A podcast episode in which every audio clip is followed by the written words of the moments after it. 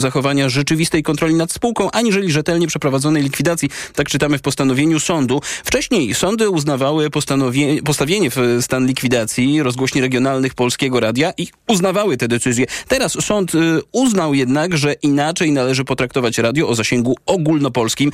Y, podobna sytuacja dotyczy też telewizji polskiej. Resort Kultury informuje, że Telewizja Polska S.A. jest nadal w stanie likwidacji na podstawie uchwały walnego zgromadzenia spółki. Tak informował resort kultury i szef tego resortu Bartłomiej Sienkiewicz. Cały czas, cały czas nie jest jasne, co zrobi prezydent w sprawie skazanych prawomocnym wyrokiem polityków PiS Mariusza Kamińskiego i Macieja Wąsika. Obaj zostali skazani na dwa lata więzienia za przekroczenie uprawnień przy kierowaniu CBA. Prezydent w wywiadzie dla Super Expressu stwierdził, że jest skłonny zastosować wobec nich akt łaski opisany w Konstytucji, a więc szybszą ścieżkę prowadzącą do ich uwolnienia. Jednak tuż po opublikowaniu tego wywiadu prezydencki minister Marcin Mastalerek zaprzeczył, że są takie plany, a prokurator generalny Adam Bodnar, który decyzją prezydenta został włączony w tą dłuższą procedurę ułaskawieniową, deklaruje, że jego opinia w tej kwestii ma być wydana w ciągu najbliższych dni. Podsumowanie dnia w Radiu TOK FM. A teraz podwyżki dla nauczycieli, które różnią resort edukacji i związkowców. Część nauczycieli nie kryje rozczarowania projektem rozporządzenia, które określa stawki wynagrodzenia zasadniczego. Wynika z niego, że obiecana jeszcze w kampanii wyborczej kwota nie mniej niż 1,5 tysiąca złotych brutto nie dotyczy pensji zasadniczych, tylko średnich, do których wlicza się wszystkie dodatki. Pensje zasadnicze w zależności od stopnia awansu zawodowego mają wzrosnąć o 1167 i do, do 1360 65 zł brutto. E, taka jest deklaracja. Związkowcy liczą na więcej. Nie podoba im się też e, kolejne spłaszczenie tabeli zarobków, bo nauczyciel mianowany zarobi niewiele więcej niż początkujący. W tej sprawie y, będziemy rozmawiać ze związkowcami, tak zapewniała w TOK FM wiceministra edukacji Paulina Piechna-Więckiewicz. 1 lutego jesteśmy umówieni na konsultację tego rozporządzenia ze związkami zawodowymi e, między e, innymi i będziemy po prostu w ramach dialogu społecznego o tym rozmawiać. Resort przewiduje, że podwyżki trafią na konta nauczycieli w marcu z wyrównaniem od stycznia. TOK 360. NATO rozpoczyna największe manewry od końca zimnej wojny. W ćwiczeniach weźmie udział 90 tysięcy żołnierzy sojuszu, 50 okrętów, ponad 80 myśliwców, helikoptery, drony, co najmniej 1100 wozów bojowych. Wojskowi będą ćwiczyć m.in. wzmacnianie przez amerykańskie siły wschodniej flanki NATO w razie konfliktu. Tak mówił w TOK FM o, o tych e, manewrach generał Mirosław Bieniek agresywna wojna, brutalna, którą rozpętał Putin y, przeciwko Ukrainie, spowodowało zmianę myślenia państw sojuszu. A według Rosjan skala natowskich ćwiczeń to powrót sojuszu do zimnowojennych schematów. Manewry potrwają do maja. Polska jeszcze poczeka na rozpatrzenie wniosku o unijne pieniądze, tak mówi dziś y, ministra funduszy i polityki regionalnej Katarzyna Pełczyńska-Nałęcz. Informowała w piątek, że Komisja Europejska potwierdziła spełnienie przez Polskę trzech warunków potrzebnych do otrzymania 76 miliardów euro. Dzisiaj doprecyzowała, że tłumaczyła, że to dopiero początek procesu zainicjowanego y, złożeniem tak zwanej samooceny przez nasz kraj. Złożyliśmy tę samą ocenę i de facto oznacza to, że ruszył proces uruchamiania tych funduszy. Oczywiście 2-3 miesiące na e, stosowne procedowanie w Komisji Europejskiej i po tym okresie będziemy składać o refinansowanie wniosków. Oprócz pieniędzy z funduszy strukturalnych Polska czeka też na decyzję w sprawie pieniędzy z KPO. Obie pule unijnych środków były zablokowane przez problemy m.in. z praworządnością. Jednocześnie e, ministra Katarzyna Pełczyńska-Nałęcz odwołała też zarząd Polskiej Agencji Rozwoju Przedsiębiorczości. Nowy szef tej agencji ma być wybrany wybrany w ramach konkursu. Warunki z kolei konkursu mają być dostępne publicznie. Nowy prezes będzie musiał między innymi zdać test wiedzy i przygotować prezentację. TOK 360. Właściciel firmy Tesla i Platformy X jest w Polsce. Elon Musk odwiedzi to dziś, a jutro po raz drugi Muzeum Auschwitz-Birkenau w Oświęcimiu. E, Musk bierze też udział w dyskusji na temat antysemityzmu w internecie. Według informacji Polskiej Agencji Prasowej Musk do Polski przyjechał prywatnie. E, jutro ma wziąć udział w nabożeństwie żałobnym na terenie byłego niemieckiego nazistowskiego obozu koncentracyjnego Auschwitz-Birkenau. Jego wizyta z kolei wpisuje się w program obchodów Międzynarodowego Dnia Pamięci o Holokauście Holokauście. Ten przypada 27 stycznia. Wydarzenie z kolei organizuje Europejskie Stowarzyszenie Żydowskie. TOK 360. Kolejne niepokojące dane dotyczące kondycji psychicznej dzieci i młodzieży. W zeszłym roku ponad 2100 osób poniżej 18 lat próbowało popełnić samobójstwo. To więcej niż rok wcześniej. Niestety 146 prób zakończyło się śmiercią. Przyczyny tych dramatycznych decyzji są różne, tak mówił w TOK FM Dominik Kuc z Fundacji Growspace. Do tych przyczyn należą zjawiska, które są na przykład przemocą rówieśniczą, na przykład problemami w rodzinie, na przykład kryzysami zdrowia psychicznego, zaburzeniami zdrowia psychicznego mhm. wśród młodych ludzi. To są takie trzy główne czynniki, które podaje też policja w swoich danych. A my przypominamy, młodzi w kryzysie mogą skorzystać ze wsparcia specjalistów, dzwoniąc na telefon zaufania Fundacji Dajemy Dzieciom Siłę 116 111 albo na telefon prowadzony przez Biuro Rzecznika Praw Dziecka to 812 12 12. TOK 360. A od momentu przejęcia władzy przez nową koalicję do Białorusi wypchnięto siłowo ponad 100 osób. Organizacje humanitarne alarmują, że nowy rząd kontynuuje politykę graniczną poprzedników, chociaż doskonale wie, że jest ona nielegalna. Więcej o tym nasz y, białostocki reporter Jakub Medek. Liczba wywózek wykonanych po 15 grudnia nie pochodzi z wyliczeń działających na pograniczu polsko-białoruskim organizacji pomocowych. Oficjalnie podał ją do wiadomości profesor Maciej Duszczyk, wiceminister spraw wewnętrznych i administracji do spraw migracji. Postawa nowych władz, które weszły w buty PiSu, rozczarowuje, ale nie zaskakuje, ocenia Aleksandra Chrzanowska ze Stowarzyszenia Interwencji Prawnej i Grupy Granica. Rząd przywraca praworządność tam, gdzie jest mu to na rękę zapowiedzi e, wiceministra Duszczyka i premiera Tuska e, w sprawie, że pushbacki będą trwały nadal. To jest po prostu kontynuacja polityki e, Prawa i Sprawiedliwości opartej na łamaniu prawa i podstawowych praw człowieka. Aleksandra Chrzanowska podkreśla, że kwestia nielegalności działań państwa nie jest ocenna. W ubiegłym tygodniu w odpowiedzi na skargę Helsińskiej Fundacji Praw Człowieka nawet komendant Straży Granicznej uznał, że to, co na pograniczu robią jego podwładni, jest niezgodne z prawem tych wyroków mówiących o tym, że tak zwane odstawianie cudzoziemców do linii granicy, czyli de facto pushback, po tym kiedy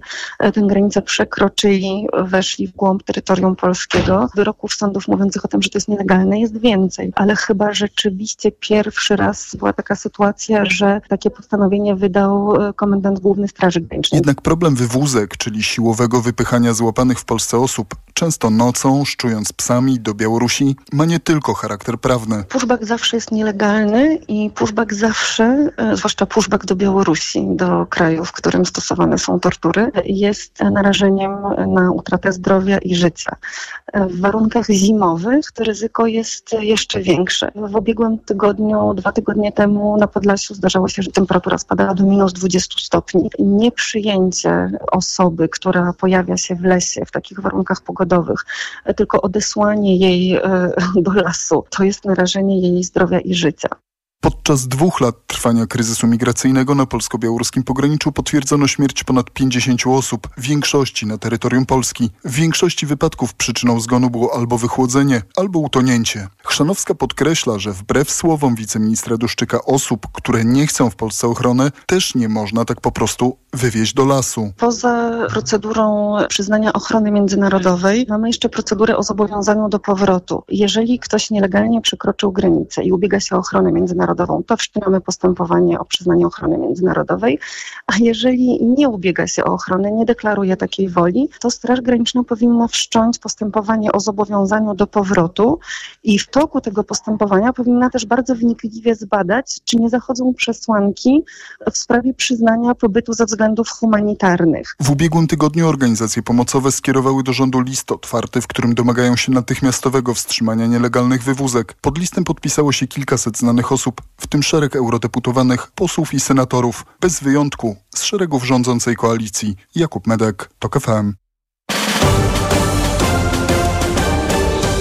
TOK 360. Prokuraturę w Polsce czekają zasadnicze zmiany i nie chodzi tylko o zapowiedziane rozdzielenie funkcji prokuratora generalnego od ministra sprawiedliwości. Na dalszy ogień ma pójść reforma całej tej instytucji, tak by śledczy byli niezależni i nie ulegali naciskom przełożonych. Oddzielenie funkcji prokuratora generalnego od ministra to dopiero początek działań. Tak w rozmowie z TOK FM mówi prokurator Jarosław Onyszczuk, który dziś pracuje w Ministerstwie Sprawiedliwości, jest doradcą ministra Adama Bodnara tak zwana niezależność zewnętrzna prokuratury, czyli to uniezależnienie funkcji prokuratora generalnego i ministra sprawiedliwości jest tylko wstępem, preludium do takiej istotnej zmiany i istotnych przeobrażeń w funkcjonowaniu prokuratury. To są oczywiście założenia, które będą miały jeszcze swój efekt w pracach legislacyjnych. Y, mam nadzieję, że wiele aspektów, które podnosiło Stowarzyszenie Lex Super Omnia zostanie uwzględnionych w pracach legislacyjnych i oczywiście to, jak wspomniałem, będzie determinować dalsze zmiany związane z, tą, z tym przeobrażeniem prokuratury jako instytucji także wewnątrz, bo to jest najważniejsze i na to oczekuje się środowisko prokuratorów. Radykalnej zmiany w funkcjonowaniu prokuratury, tak żeby przestała ona funkcjonować w tych y, wzorach postsowieckich, bo tak naprawdę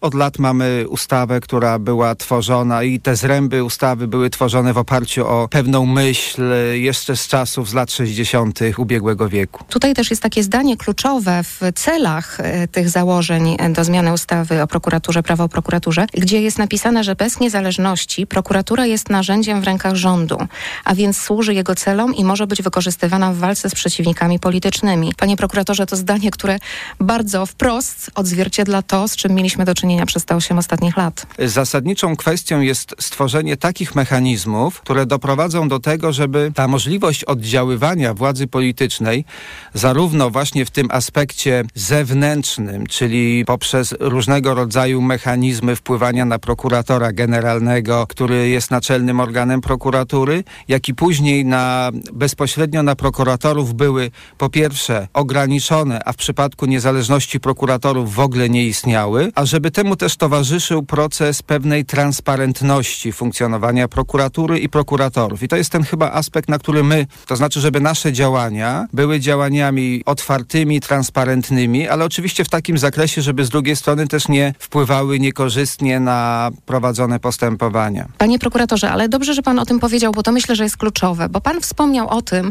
że tak naprawdę musi się zmienić też mentalność prokuratorów. W sposób zdecydowany. To znaczy prokuratorzy muszą się uczyć y, niezależności. Prokurator przez lata podlega pewnej kontroli przełożonych, która wynika z hierarchicznego podporządkowania i my tak naprawdę od początku swojej kariery uczymy się podległości i słuchania przełożonych. Nie uczymy się tego, czego uczą się sędziowie swojej niezawisłości w podejmowaniu podejmowaniu decyzji.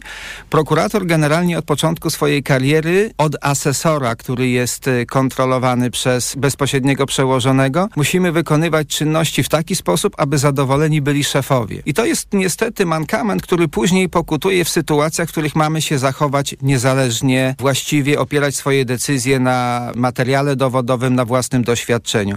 I okazuje się, że te lata funkcjonowania w takiej rzeczywistości utrudniają lub uniemożliwiają dają nam samodzielność i autonomię decyzyjną. I to jest ten aspekt naszej pracy, który później jest wykorzystywany przez tych przełożonych, którzy znają nasze, naszą mentalność. I oczywiście jest im bardzo łatwo wykorzystać prokuratora do podjęcia takich działań, które są oczekiwane przez określoną partię polityczną. No właśnie, ale jak to zmienić, panie prokuratorze, by zmienić tę mentalność? To jest najtrudniejszy proces, że rzeczywiście reforma i zmiana prokuratury nie, nie odbędzie się bez zmiany mentalności prokuratora prokuratorów i zmiany pokoleniowej. To znaczy, my musimy mieć świadomość, że jeżeli chcemy zbudować niezależną prokuraturę, to potrzebujemy na to być może nawet kilkunastu lat. Potrzebujemy zmiany kształcenia, zmiany wewnętrznego funkcjonowania prokuratury, szacunku dla tych osób, które przychodzą do naszego zawodu i uczenia ich niepodległości służbowej, ale właśnie tej niezależności. A całej rozmowy Anny Gmiterek-Zabłockiej z prokuratorem Jarosławem Onyszczukiem możecie też Państwo posłuchać e, w naszych podcastach na tokfm.pl. TOK 360 Nie takiego początku ferii spodziewali się górale. Okazuje się, że pierwszy tydzień był bardzo umiarkowany, jeśli chodzi o liczbę turystów, zwłaszcza tych ze stolicy, na których najbardziej właśnie liczyli przedsiębiorcy z Podhala. Katarzyna Młynarczyk sprawdzała, dlaczego nie dopisali w pierwszym tygodniu, mimo że warunki pogodowe były wręcz idealne. Można tłumaczyć to na kilka sposobów. Karol Wagner z Tatrzańskiej Izby Gospodarczej przypuszcza, że najważniejszy powód był taki, że Mazowieckie rozpoczynało ferie w zasadzie tuż po świętach, a wielu turystów z Warszawy właśnie wolne dni między świętami a Nowym Rokiem spędzało na Podhalu, dlatego nie decydowali się przyjeżdżać ponownie. Z drugiej strony trzeba dość radykalnie nadmienić, iż wspaniała impreza pod tytułem Puchar Skoków Narciarskich działa obusiecznie. Z jednej strony przyciąga rzesze kolorowych turystów, którzy dość szczelnie wypełniają ale tylko weekendowo obiekty na terenie Zakopanego i okolic. Z drugiej strony ten okres, kiedy faktycznie spodziewać się możemy i większych korków i prawdopodobnie większych cen, część gości decyduje się ten weekend mijać. Osoby wyjeżdżające na ferie mijają też pierwszy tydzień z innego powodu. Uważają, że pierwszy tydzień ferii to może jeszcze nie wszystko działać, mogą być stoki niezaśnieżone. Górale liczyli na znacznie lepszy początek ferii, ale wciąż mają nadzieję, że wszystko uda się nadrobić. Już widzimy, że ferie mazowieckie weryfikują się zupełnie standardowo pozytywnie, wysokim obłożeniem w drugim ich tygodniu, który rozpoczęliśmy w ten weekend. Oczywiście kolejne tygodnie w dużym stopniu zależeć będą od warunków i pogody. 19 minut po godzinie 18, a teraz w Radiu Tok FM pora na ekonomiczne podsumowanie dnia. Ekonomia 360. Wojciech Kowalik. 8 tysięcy złotych brutto. Taki psychologiczny próg przekroczyło w grudniu przeciętne wynagrodzenie w Polsce. To jednak słodko-gorzka informacja, bo po pierwsze tempo wzrostu płac hamuje, po drugie w takiej skali dotyczy tylko większych firm i po trzecie taką statystyczną średnią krajową napędziły premie w górnictwie, zauważa Mariusz Zielonka, ekonomista Konfederacji Lewiatan. W całym 2023 roku wynagrodzenia średnie średnio urosły o 11,9%. Niewiele ponad to, jak kształtował się wzrost cen w całym minionym roku co w teorii oznacza, że Polakom powinno zostawać więcej w kieszeni niż jeszcze przed rokiem. Tymczasem dane makroekonomiczne, chociażby te o sprzedaży detalicznej czy konsumpcji, pokazują, zgoła inną rzeczywistość. Bo i dziś poznaliśmy rozczarowujące dane o sprzedaży detalicznej w grudniu, a więc o zakupach świątecznych. Jak podaje GUS, sprzedaż była niższa o 2,5% niż rok temu. Mimo rosnących pensji i hamującej inflacji wciąż zaciskamy pasa, zauważa Piotr Bartkiewicz, ekonomista banku PKO SA. Polski konsument y, nie ruszył do sklepów w grudniu. Kategoria meble TV i AGD czy taka kategoria, która jest trochę jakimś tam barometrem tego, czy konsumenci są skłonni podejmować duże wydatki i duże decyzje finansowe, spada dwucyfrowo od kilkunastu miesięcy. I no, grudzień był miesiącem, kiedy my się spodziewaliśmy, że jednak y, i wzrost realnych dochodów i systematyczna poprawa nastrojów konsumenckich, to się w końcu przełoży na wyższą sprzedaż dóbr trwałych. My niczego takiego nie zobaczyliśmy, więc polscy konsumenci są bardzo ostrożni. Dziś poznaliśmy też dane z przemysłu, czyli ważnego koła zamachowego całej gospodarki. W grudniu wciąż był pod kreską, ale wyniki nie okazały się aż tak złe, jak się tego obawiali ekonomiści. Lider ogólnopolskiego porozumienia związków zawodowych krytykuje w TOK FM propozycje rządu dla przedsiębiorców. Chodzi o tak zwane wakacje od ZUS-u czy zmiany przy wypłacaniu świadczenia chorobowego. To nieprzemyślane pomysły, komentuje Piotr Ostrowski, z którym rozmawiał reporter TOK FM Tomasz Setta. Szef OPZZ tłumaczy, że oba te rozwiązania prawdopodobnie w całości sfinansuje ZUS, tyle że sam zakład nie ma tylu pieniędzy, a to pozostawia rządzącym tylko dwa wyjścia. Albo zasypania tego deficytu przez budżet y, państwa, czyli z podatków nas wszystkich, lub y, zwiększenia składki y, na ubezpieczenie chorobowe. Piotr Ostrowski ocenia, że żadna z tych propozycji nie jest dobra dla pracowników, za to jego zdaniem niesłusznie faworyzuje samozatrudnionych i mikroprzedsiębiorców. Już w tej chwili prowadzący jednoosobową działalność gospodarczą mają dosyć e, sporo ulg. Jest e, ulga na start, e, jest tak zwana ulga mały ZUS plus. Rządzący wciąż pracują nad szczegółami swoich pomysłów na składki ZUS i wypłacanie chorobowego. Oba projekty mamy poznać w ciągu kilku miesięcy. Tomasz Setta, TOK FM.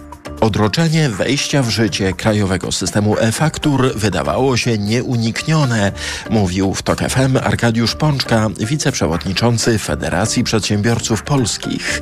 O tym, że rewolucja nie zacznie obowiązywać w tym roku, mówił ostatnio minister finansów.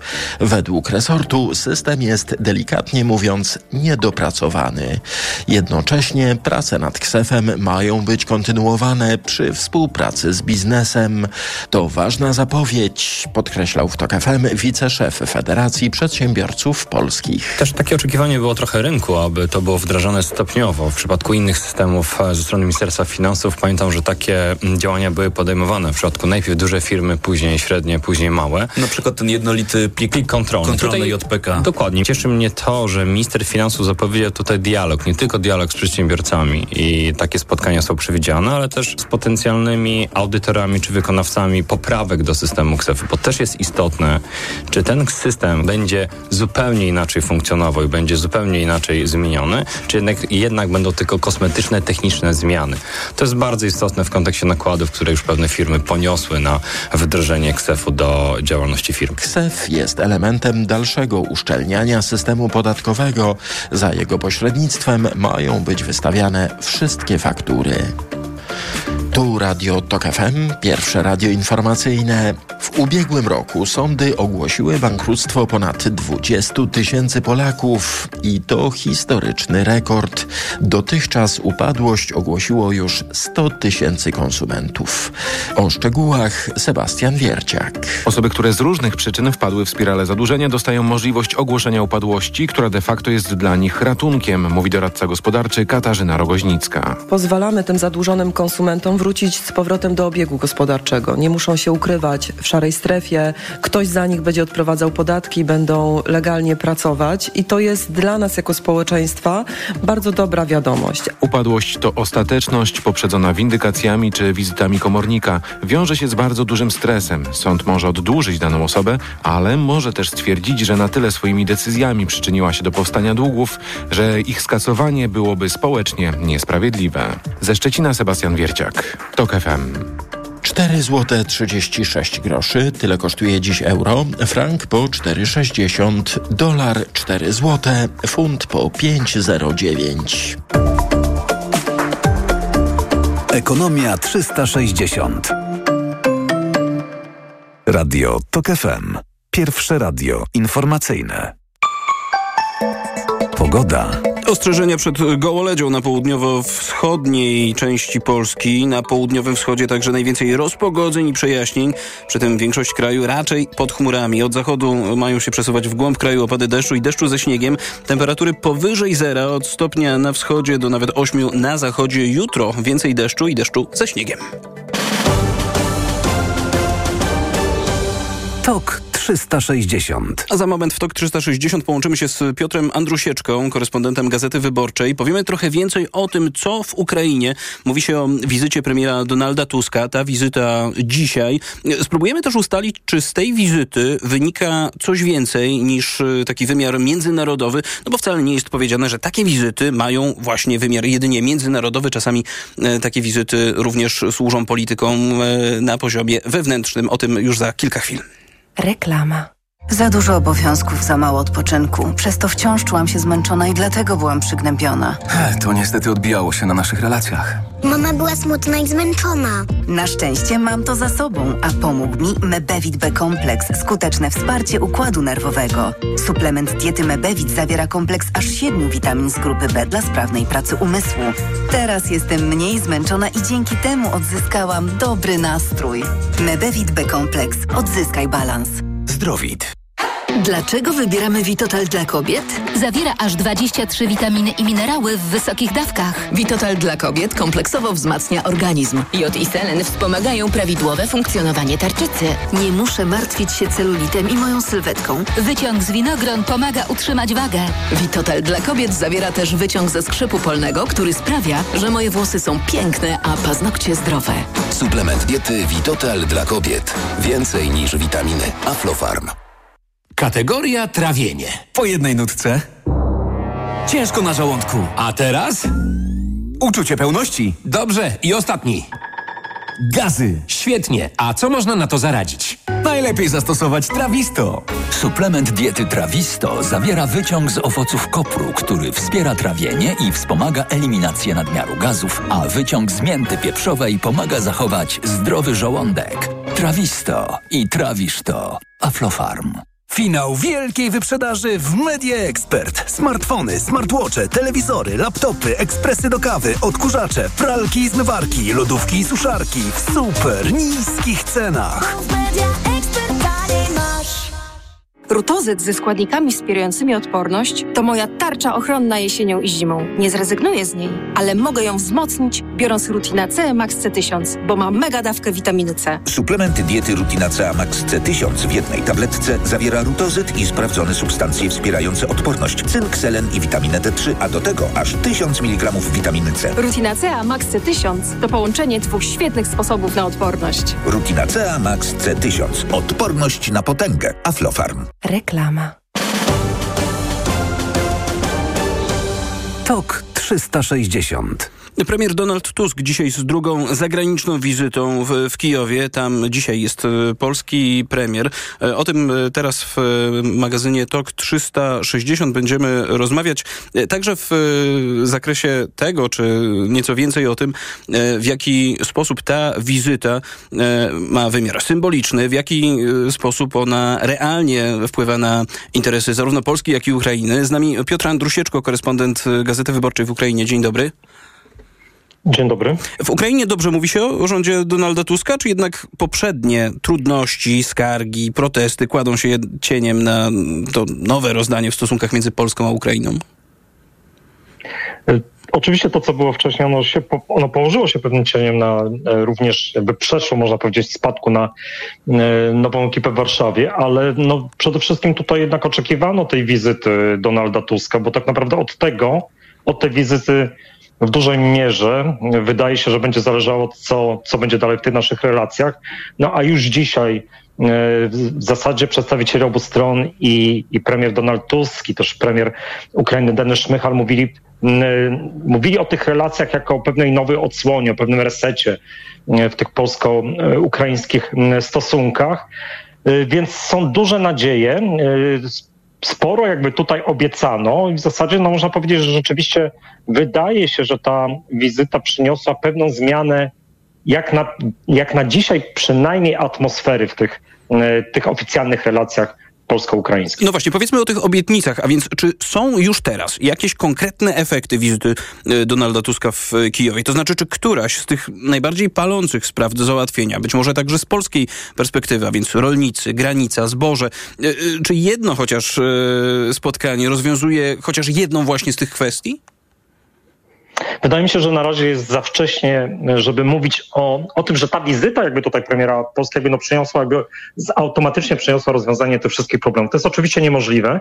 Natomiast no, chyba wydaje się ważne to, na co zwraca uwagę zresztą sam Donald Tusk, e, że jest zrozumienie po obu stronach jakby tych problemów i jakby no, potrzeby ich rozwiązania i prowadzenia oczywiście dalszych rozmów, no to, to, to, już jest kwestia też zaangażowania odpowiednich resortów e, z dwóch stron, po to, żeby no, te rozmowy przyniosły, jak tutaj podkreślał zresztą i Donald Tusk, i, i strona ukraińska, żeby przyniosły rezultat zarówno dla e, polskich przewoźników, ale również ukraińskich, tak samo dla polskich rolników, jak i ukraińskich fermerów, to znaczy, żeby żadna strona tutaj nie była poszkodowana.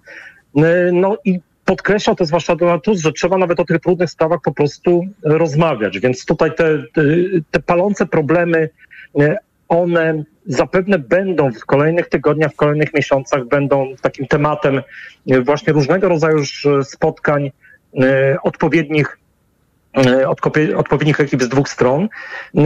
No, natomiast no, jednak mamy blokadę granicy przynajmniej na pewien czas, jakby tutaj mamy ją skasowaną, więc y, to już jest jakiś rezultat nawet sprzed tej wizyty, że jednak granica została e, rozblokowana. Wróćmy na moment jeszcze do tego wymiaru symbolicznego tej wizyty. Jaka była reakcja Wołodymira Zełńskiego na Donalda Tuska? Pamiętam takie obrazki, gdy Andrzeja Dudę, na Mateusza Morawieckiego Zełński reagował wręcz żywiołowo, radośnie wręcz. E, a tutaj wyczuwam lekki, jednak, ale dystans, bo gra tutaj toczy się o żywotne interesy e, obu stron, więc tych uśmiechów jest chyba trochę mniej. No może rzeczywiście, ale mi się wydaje, że to po pierwsze jest związane jednak z tymi napięciami, które były wcześniej w polsko-ukraińskich relacjach w ubiegłym roku, w drugiej połowie ubiegłego roku. No to jednak zostawiło na pewno jakiś ślad taki w, w po stronie ukraińskiej ekipy, y, a po drugie, no jednak to jest bardzo trudny moment dla samej Ukrainy. To znaczy, oczywiście Ukraina znajduje się w bardzo trudnej sytuacji. Y, mamy problemy z pomocą wojskową dla Ukrainy, przede wszystkim z pomocą ze, Stanu, ze strony Stanów Zjednoczonych, ale również Unii Europejskiej, co też było tematem y, rozmów między premierem Tuskiem i prezydentem Zełęńskim. Więc no, wydaje się, że po prostu sam prezydent Ukrainy jest w takim bardzo trudnym momencie i rzeczywiście tutaj o tych radościach trudno jest mówić, chociaż wydaje mi się, że jak, y, jak przysłuchiwałem się ich debacie y, ze studentami w Akademii Kiewowo-Mokorańskiej, no to tam jednak troszeczkę te, te rozmowy ich ze studentami już były w takiej bardziej y, luźnej, luźnej atmosferze, luźnej formie. To pomówmy jeszcze o właśnie tych rozmowach. Donald Tusk mówi o odbudowie Ukrainy, o warstwie biznesowej, o tym, że zyskać na tym mają obie strony, a więc i Polska, i Ukraina. Jest też pełnomocnik do spraw odbudowy, to Paweł Kowal. Y, czy to oznacza, że ta odbudowa już teraz rusza? Y, to oczywiście tutaj Ukraina jakby cały czas jakby prowadzi rozmowy z różnymi partnerami na temat odbudowy i, rzeczywiście no, odbudowa trwa praktycznie od momentu, kiedy udało się w, pod koniec marca 2022 roku odsunąć Rosjan z tej północnej części Ukrainy. I tam i, i są potrzeby odbudowywania y, komunikacji, mostów, dróg i, i tak dalej, tych wszystkich jakby zniszczeń dokonanych przez, y, przez Rosję. Natomiast no tutaj y, padła konkretna propozycja ze strony premiera Ukrainy. Chodzi o zaangażowanie polskiego biznesu w budowie autostrady z przejścia granicznego w Krakowcu poprzez Lwów do Równe. Ona miałaby być przedłużeniem polskiej autostrady A4. I to jest zaproszenie jakby właśnie do polskiego biznesu, ale nie tylko jakby w inwestowania jakby tutaj, ale również możliwość otrzymania pewnych koncesji właśnie na eksploatację tej, tej autostrady. No więc zobaczymy. I mamy też jakby tutaj też zapowiedź otwarcia kolejnych czterech przejść granicznych, oprócz tych 14, które już funkcjonują. Piotr Andrusieczko, y, korespondent Gazety Wyborczej, jest y, gościem y, magazynu TOK 360. Awdijiwka. O tej miejscowości od kilku dni piszą media. Tam czytamy o rosyjskich postępach na froncie. Jak tam wygląda sytuacja i czy to może być kluczowe miejsce frontu w obwodzie donieckim?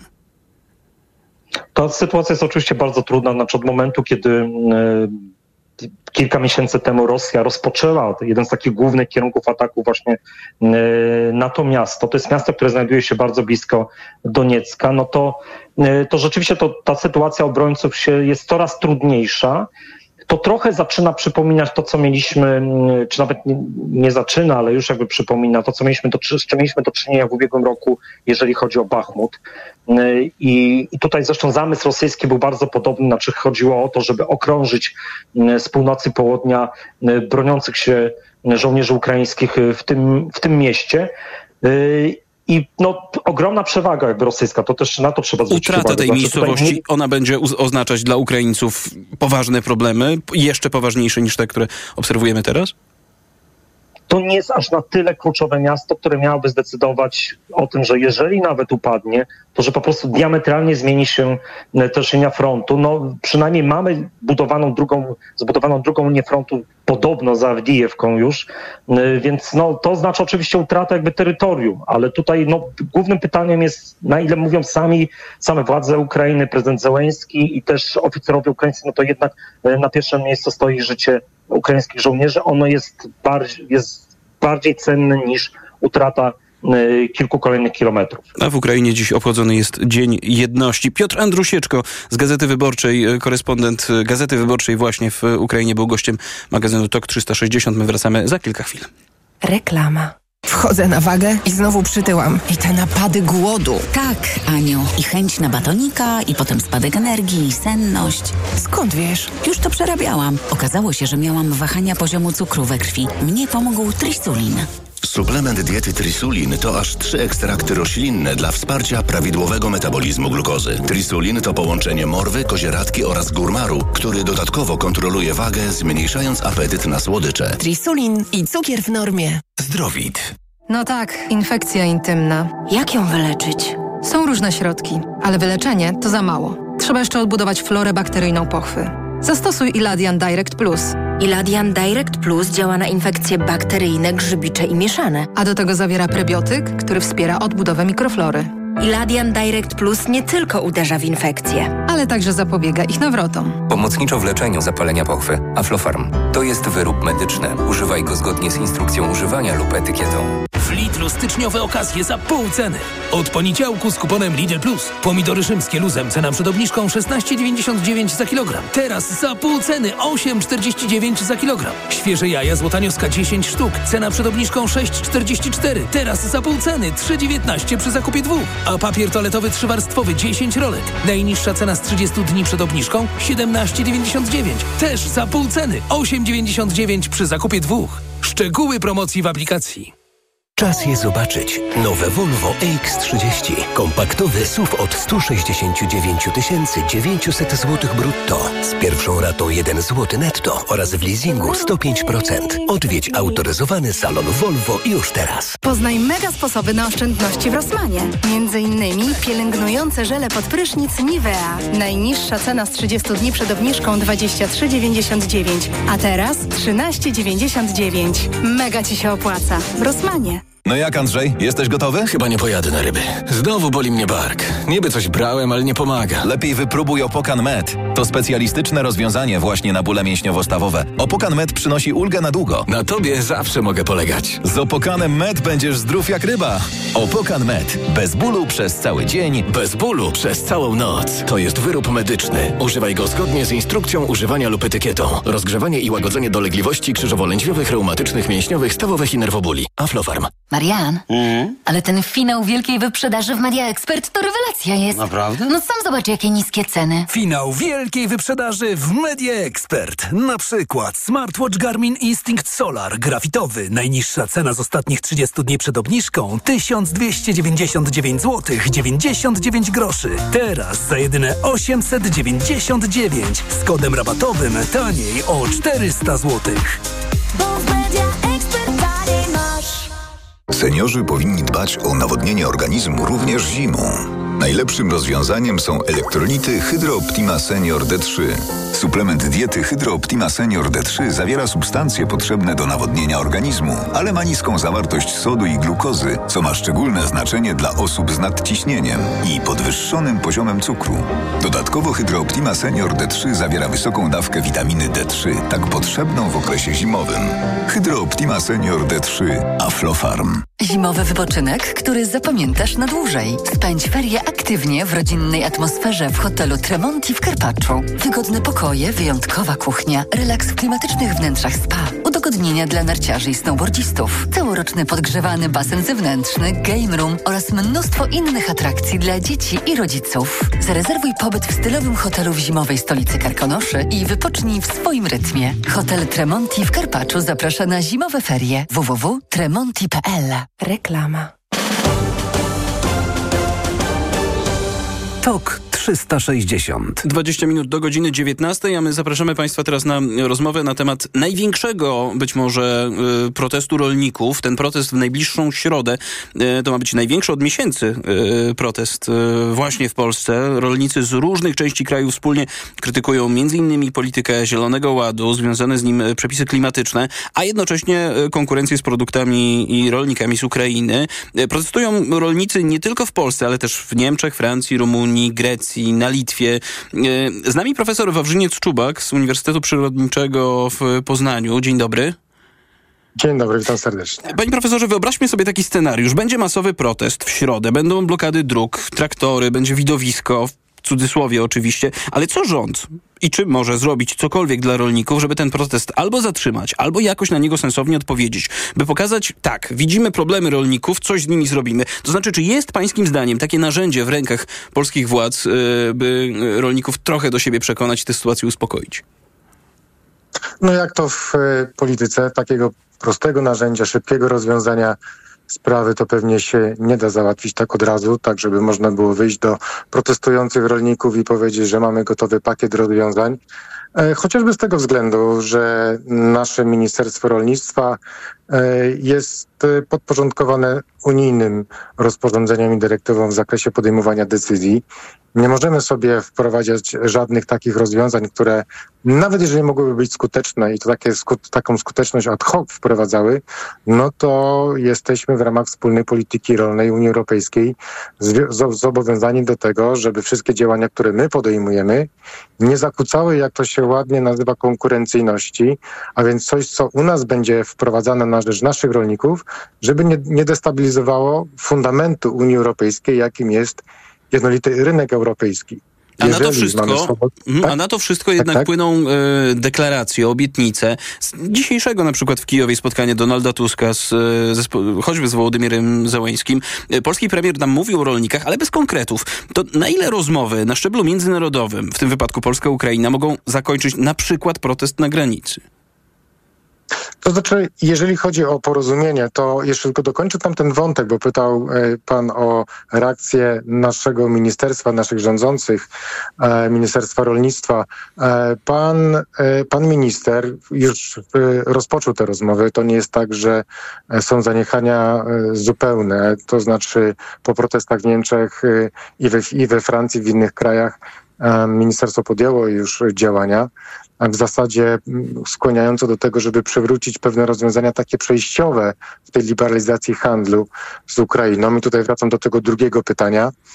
E, Są zakusy Unii Europejskiej, żeby wsparcie kierowane do Ukrainy przedłużać na kolejne, na kolejny okres swobodnego przepływu także towarów rolnych. Na niektórych rynkach powoduje to, jak widzimy, zakłócenia. Już to nie tylko w tych krajach przygranicznych, e, nie tylko w Polsce czy w Rumunii, na Litwie, ale te, tym rykoszetem odbija się to na większych rynkach, jak właśnie rynek chociażby niemiecki, francuski, czy wszystkie inne, gdzie się te protesty zaczynają e, też pojawiać. Dotyczy, do, dotyczy to, mówiąc wprost, całej Unii Europejskiej. Nie jest tylko lokalnym problemem na granicach Polski. Co prawda my jesteśmy krajem tym granicznym e, z Unią, e, Unii Europejskiej, z Ukrainą, ale na jednolitym rynku to przecieranie się towarów przy swobodnym prze, przepływie będzie tyczyło się wszystkich. Tak? No, no, oczywiście koszty transportu do tego będą dochodziły e, i trzeba się liczyć z tym, że te kraje przygraniczne najmocniej ucierpią. E, więc do, na, jakim etapie są dzisiaj rozmowy? Z tego, co, z tego, co wiem, gdzie docierają informacje, no to właśnie pewnego rodzaju ograniczenia na, na rynkach wrażliwych, chociażby czy to na rynku zbóż, czy, czy chociażby na rynku cukru albo drobiu, bo te są wśród tych na- na- wymieniane. Więc takie działania dzisiaj są podejmowane. Profesor Wawrzyniec Czubak y, jest y, z Uniwersytetu Przyrodniczego w Poznaniu, jest gościem magazynu TOK 360. Y, Panie profesorze, czy te unijne propozycje, pańskim zdaniem wynikające w tym wypadku z y, proponowanych przez Unię regulacji Zielonego Ładu, kwestii klimatycznych, one są uczciwe dla rolników, czy zgodnie z tym, y, co mówią, rujnują im biznes? Może uda nam się to rozstrzygnąć.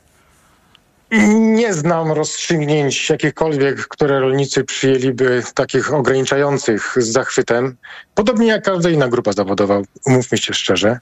Natomiast może, jeśli pan, panie redaktorze, pozwoli, troszeczkę szerzej ten temat dotknę, z takiego, e, powiem, wysokiego C, ale mam nadzieję, że to, że to też jest jakiś głos w, w debacie. Mianowicie Europa, jak już wszyscy zauważyła, uznała, jak wpływ człowieka na, na zmiany klimatyczne. To już jest bezdyskusyjne. Nie chcę powiedzieć o zmianach, o, o ociepleniu klimatu, ale zmiany są ewidentne. Więc jako pierwsi na świecie podjęliśmy rękawice, żeby coś z tym zacząć robić. I niestety y, trzeba sobie też u, uświadomić, że wpływ rolnictwa na te zmiany jest. W niektórych elementach y, może nad, na, nadmiarowo potraktowany, jak chociażby w emisji niektórych gazów cieplarnianych, jak metanu, gdzie, gdzie, gdzie szacuje się, że nawet y, do jednej trzeciej emisji to są, to są gazy pochodzenia e, fermentacji w, u przeżuwaczy. I, i Europa coś z tym zrobić chce. Y, Czy to jest dobry moment y, na tak rygorystyczne ograniczenia, bo mówi się o ograniczeniach w zakresie stosowania środków ochrony roślin, nawozów e, e, czy antybiotyków w żywieniu i, w- dbaniu o zdrowie zwierząt? Oczywiście to będzie ograniczało produkcję rolną, bez dwóch zdań. e, to będzie ograniczało możliwość intensyfikacji rolnictwa. Intensyfikacja w, roz, w rozumieniu e, coraz to bardziej zaawansowanych metod e, takiej tradycyjnej technologii, bez tych, tych technologii cyfrowych. E, To będzie obniżało produkcję. Przy stabilnych, a, a nawet malejących cenach na produkty rolne, jeżeli będzie ograniczona wielkość wytwarzania, no to będą male, malały do, dochody rolnicze.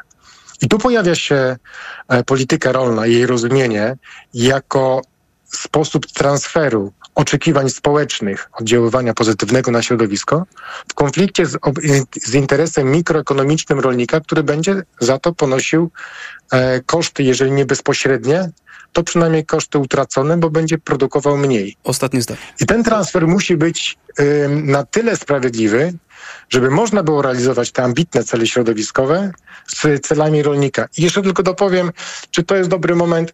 W zasadzie nigdy nie jest dobry moment. Ja wiem, że trafiliśmy jak kulą w płot z Europejskim Zielonym Ładzie w rozumieniu najpierw COVID-u, który, to, który dotknął wieloletnie ramy finansowe, czyli planowanie w Unii Europejskiej na lata 2021-2027. Teraz jeszcze wojna na Ukrainie, która jest szczególnie dotkliwa w tym sektorze rolnym, więc to, no umówmy się, to nie jest naprawdę dobry moment. Ale odwlekanie tego, nie wiem, czy nie jest czasem wielopokoleniowo jeszcze gorszym scenariuszem. Profesor Wawrzyniec Czubak, Uniwersytet Przyrodniczy w Poznaniu, był gościem magazynu y, TOK 360. Bardzo dziękuję za tę rozmowę. Za moment zmieniamy temat, bo przeniesiemy się za y, ocean i spojrzymy, jak idą przygotowania do wyborów w USA, gdzie coraz lepsze wyniki notuje Donald Trump, ulubieniec Zjednoczonej Prawicy, który to ma plan, jak zakończyć wojnę w Ukrainie w 24 godziny. Zostańcie Państwo z nami.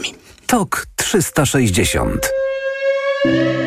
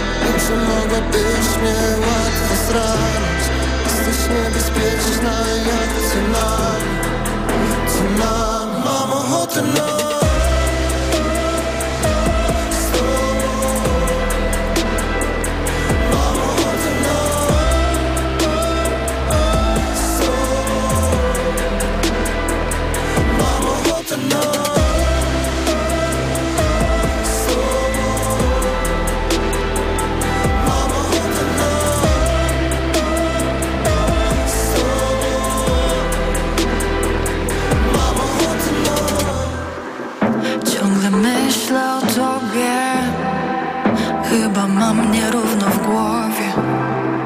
Wszystko pachnie jak ty. Chyba się uzależniłam Ciągle myślę o tobie? Mam tylko ciebie w głowie. Mam tylko ciebie w głowie. Mam ochotę na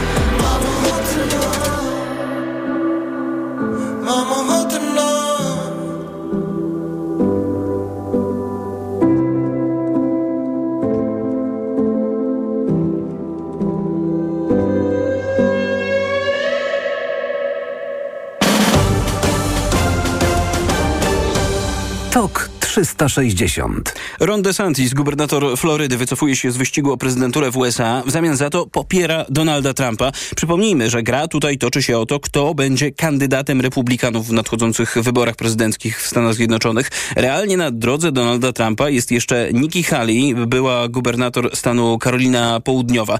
Z nami profesor Małgorzata Zachara-Szymańska z Instytutu Amerykanistyki i Studiów Polonijnych Uniwersytetu Jagiellońskiego. Dzień dobry. Dzień dobry panie redaktorze, dzień dobry państwu. Wywołałem Nikki Haley, ale wróćmy do niej za moment. Najpierw to, co przykuwa chyba uwagę najbardziej, a więc to, że Donald Trump twierdzi, że jak tylko zostanie prezydentem USA, to zakończy wojnę w y, Ukrainie w 24 godziny. Jak mógłby to zrobić? No, um, on właściwie już zaproponował ten scenariusz, um, do, um, za pomocą którego będzie docierał do rozstrzygnięcia, a mianowicie zapowiedział, że on wezwie do jednego pokoju Władimira Putina i Wołodymira Załęskiego i po prostu zawrzemy, jak się wyraził, jakieś porozumienie. E, czyli po Czyli prostu oddamy ja Rosji wprawdzie, część Ukrainy.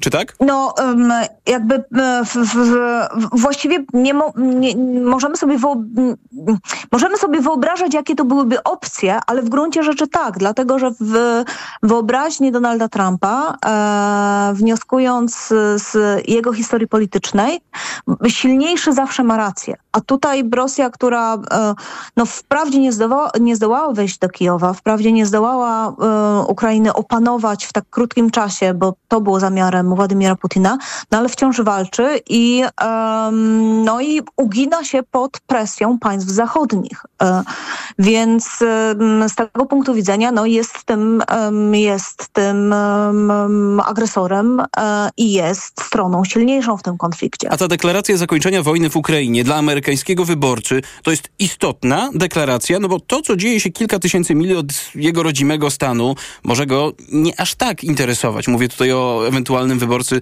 Donalda Trumpa. Czy jednak obietnice wewnętrzne, e, czyli to, co proponuje Donald Trump, to przekonuje Amerykanów, no to co właściwie stoi za rosnącym poparciem Donalda Trumpa w ostatnich tygodniach, miesiącach? Mm, gra przedwyborcza czy gra wyborcza e, w Stanach Zjednoczonych tak zresztą jak w innych państwach z reguły, nie toczy się o to, co można zyskać lub stracić w polityce zagranicznej, ale to, e, czym my stoimy tu i teraz. To znaczy, tam dyskusja koncentruje się wokół kondycji gospodarki przede wszystkim, wokół tego, jak rozstrzygnąć kryzys na południowej granicy Stanów Zjednoczonych. Ten kryzys zresztą, który jest kartą przetargową w, w finansowaniu dalszej pomocy dla, dla Ukrainy, o co zabiega administracja Bidena, która czeka na zatwierdzenie przez Kongres sie- 61 miliardów dolarów dalszej pomocy. E, Ale tutaj m, pojawia się ten argument ze strony m, republikanów, tego skrzydła konserwatywnego, że no dobrze, jeżeli poczynicie ustępstwa w tych sprawach, na których nam zależy, no to wtedy będzie zgoda.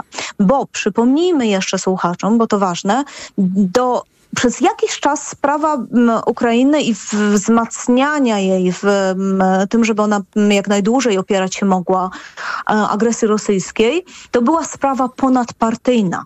E, Czyli i republikanie, i demokraci e, optowali za tym, żeby, żeby dać Rosji nauczkę, żeby utrzeć jej nosa. Wydawało się, że, że, że że jakby mm, ta, ten, ten konflikt, którą, który Putin wywołał, e, poruszył wyobraźnię całej Ameryki. E, To się zmieniło ze względu na, na kampanię wyborczą, ze względu na to, że ona zaostrza język i ona powoduje, że no, trzeba szukać różnic. Pani trzeba profesor, szukać to teraz a propos elementów. e, tej kampanii. Nikki Haley, Forbes pisze, że to ulubienica amerykańskich miliarderów. Czytamy o niej także w kontekście szturmu na Kapitol. Ona ma realne szanse z Trumpem? Zobaczymy, co się wydarzy jutro, dlatego że jutro prawybory w New Hampshire e, i jeżeli ona uzyska tutaj dobry wynik, a najlepiej przewagę, co byłoby zaskoczeniem, bo to jednak em, Trump w sondażach miał kilkanaście punktów procentowych e, przewagi, ale to właściwie jest jedyny stan, w którym ona ma szansę, dlatego że New Hampshire e, jest stanem małym i który ma takie tradycje głosowania w sposób nie do końca standardowy, czyli tam sprawdzają się właśnie tacy kandydaci, którzy nie, nie, niejednokrotnie czynią niespodziankę. I ona bardzo wiele zainwestowała w, w to, żeby przekonać mieszkańców New Hampshire w, do, do, do, do swojej propozycji politycznej.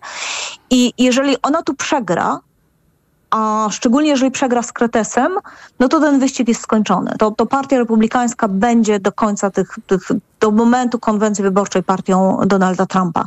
Jeśli wygra, to znaczy, że piłka ciągle jest w grze. Profesor Małgorzata Zachara-Szymańska z Uniwersytetu Jagiellońskiego gościła w e, TOK 360. E, Za moment informacje w Radiu TOK FM, po nich Sport 360, a kilka chwil po godzinie 19 spróbujemy się przebić przez gąszcz do doniesienia o likwidacji mediów publicznych. Zapewniam, że opowiemy to najprościej, jak się da. Serdecznie Państwa zapraszam. Radio TOK FM.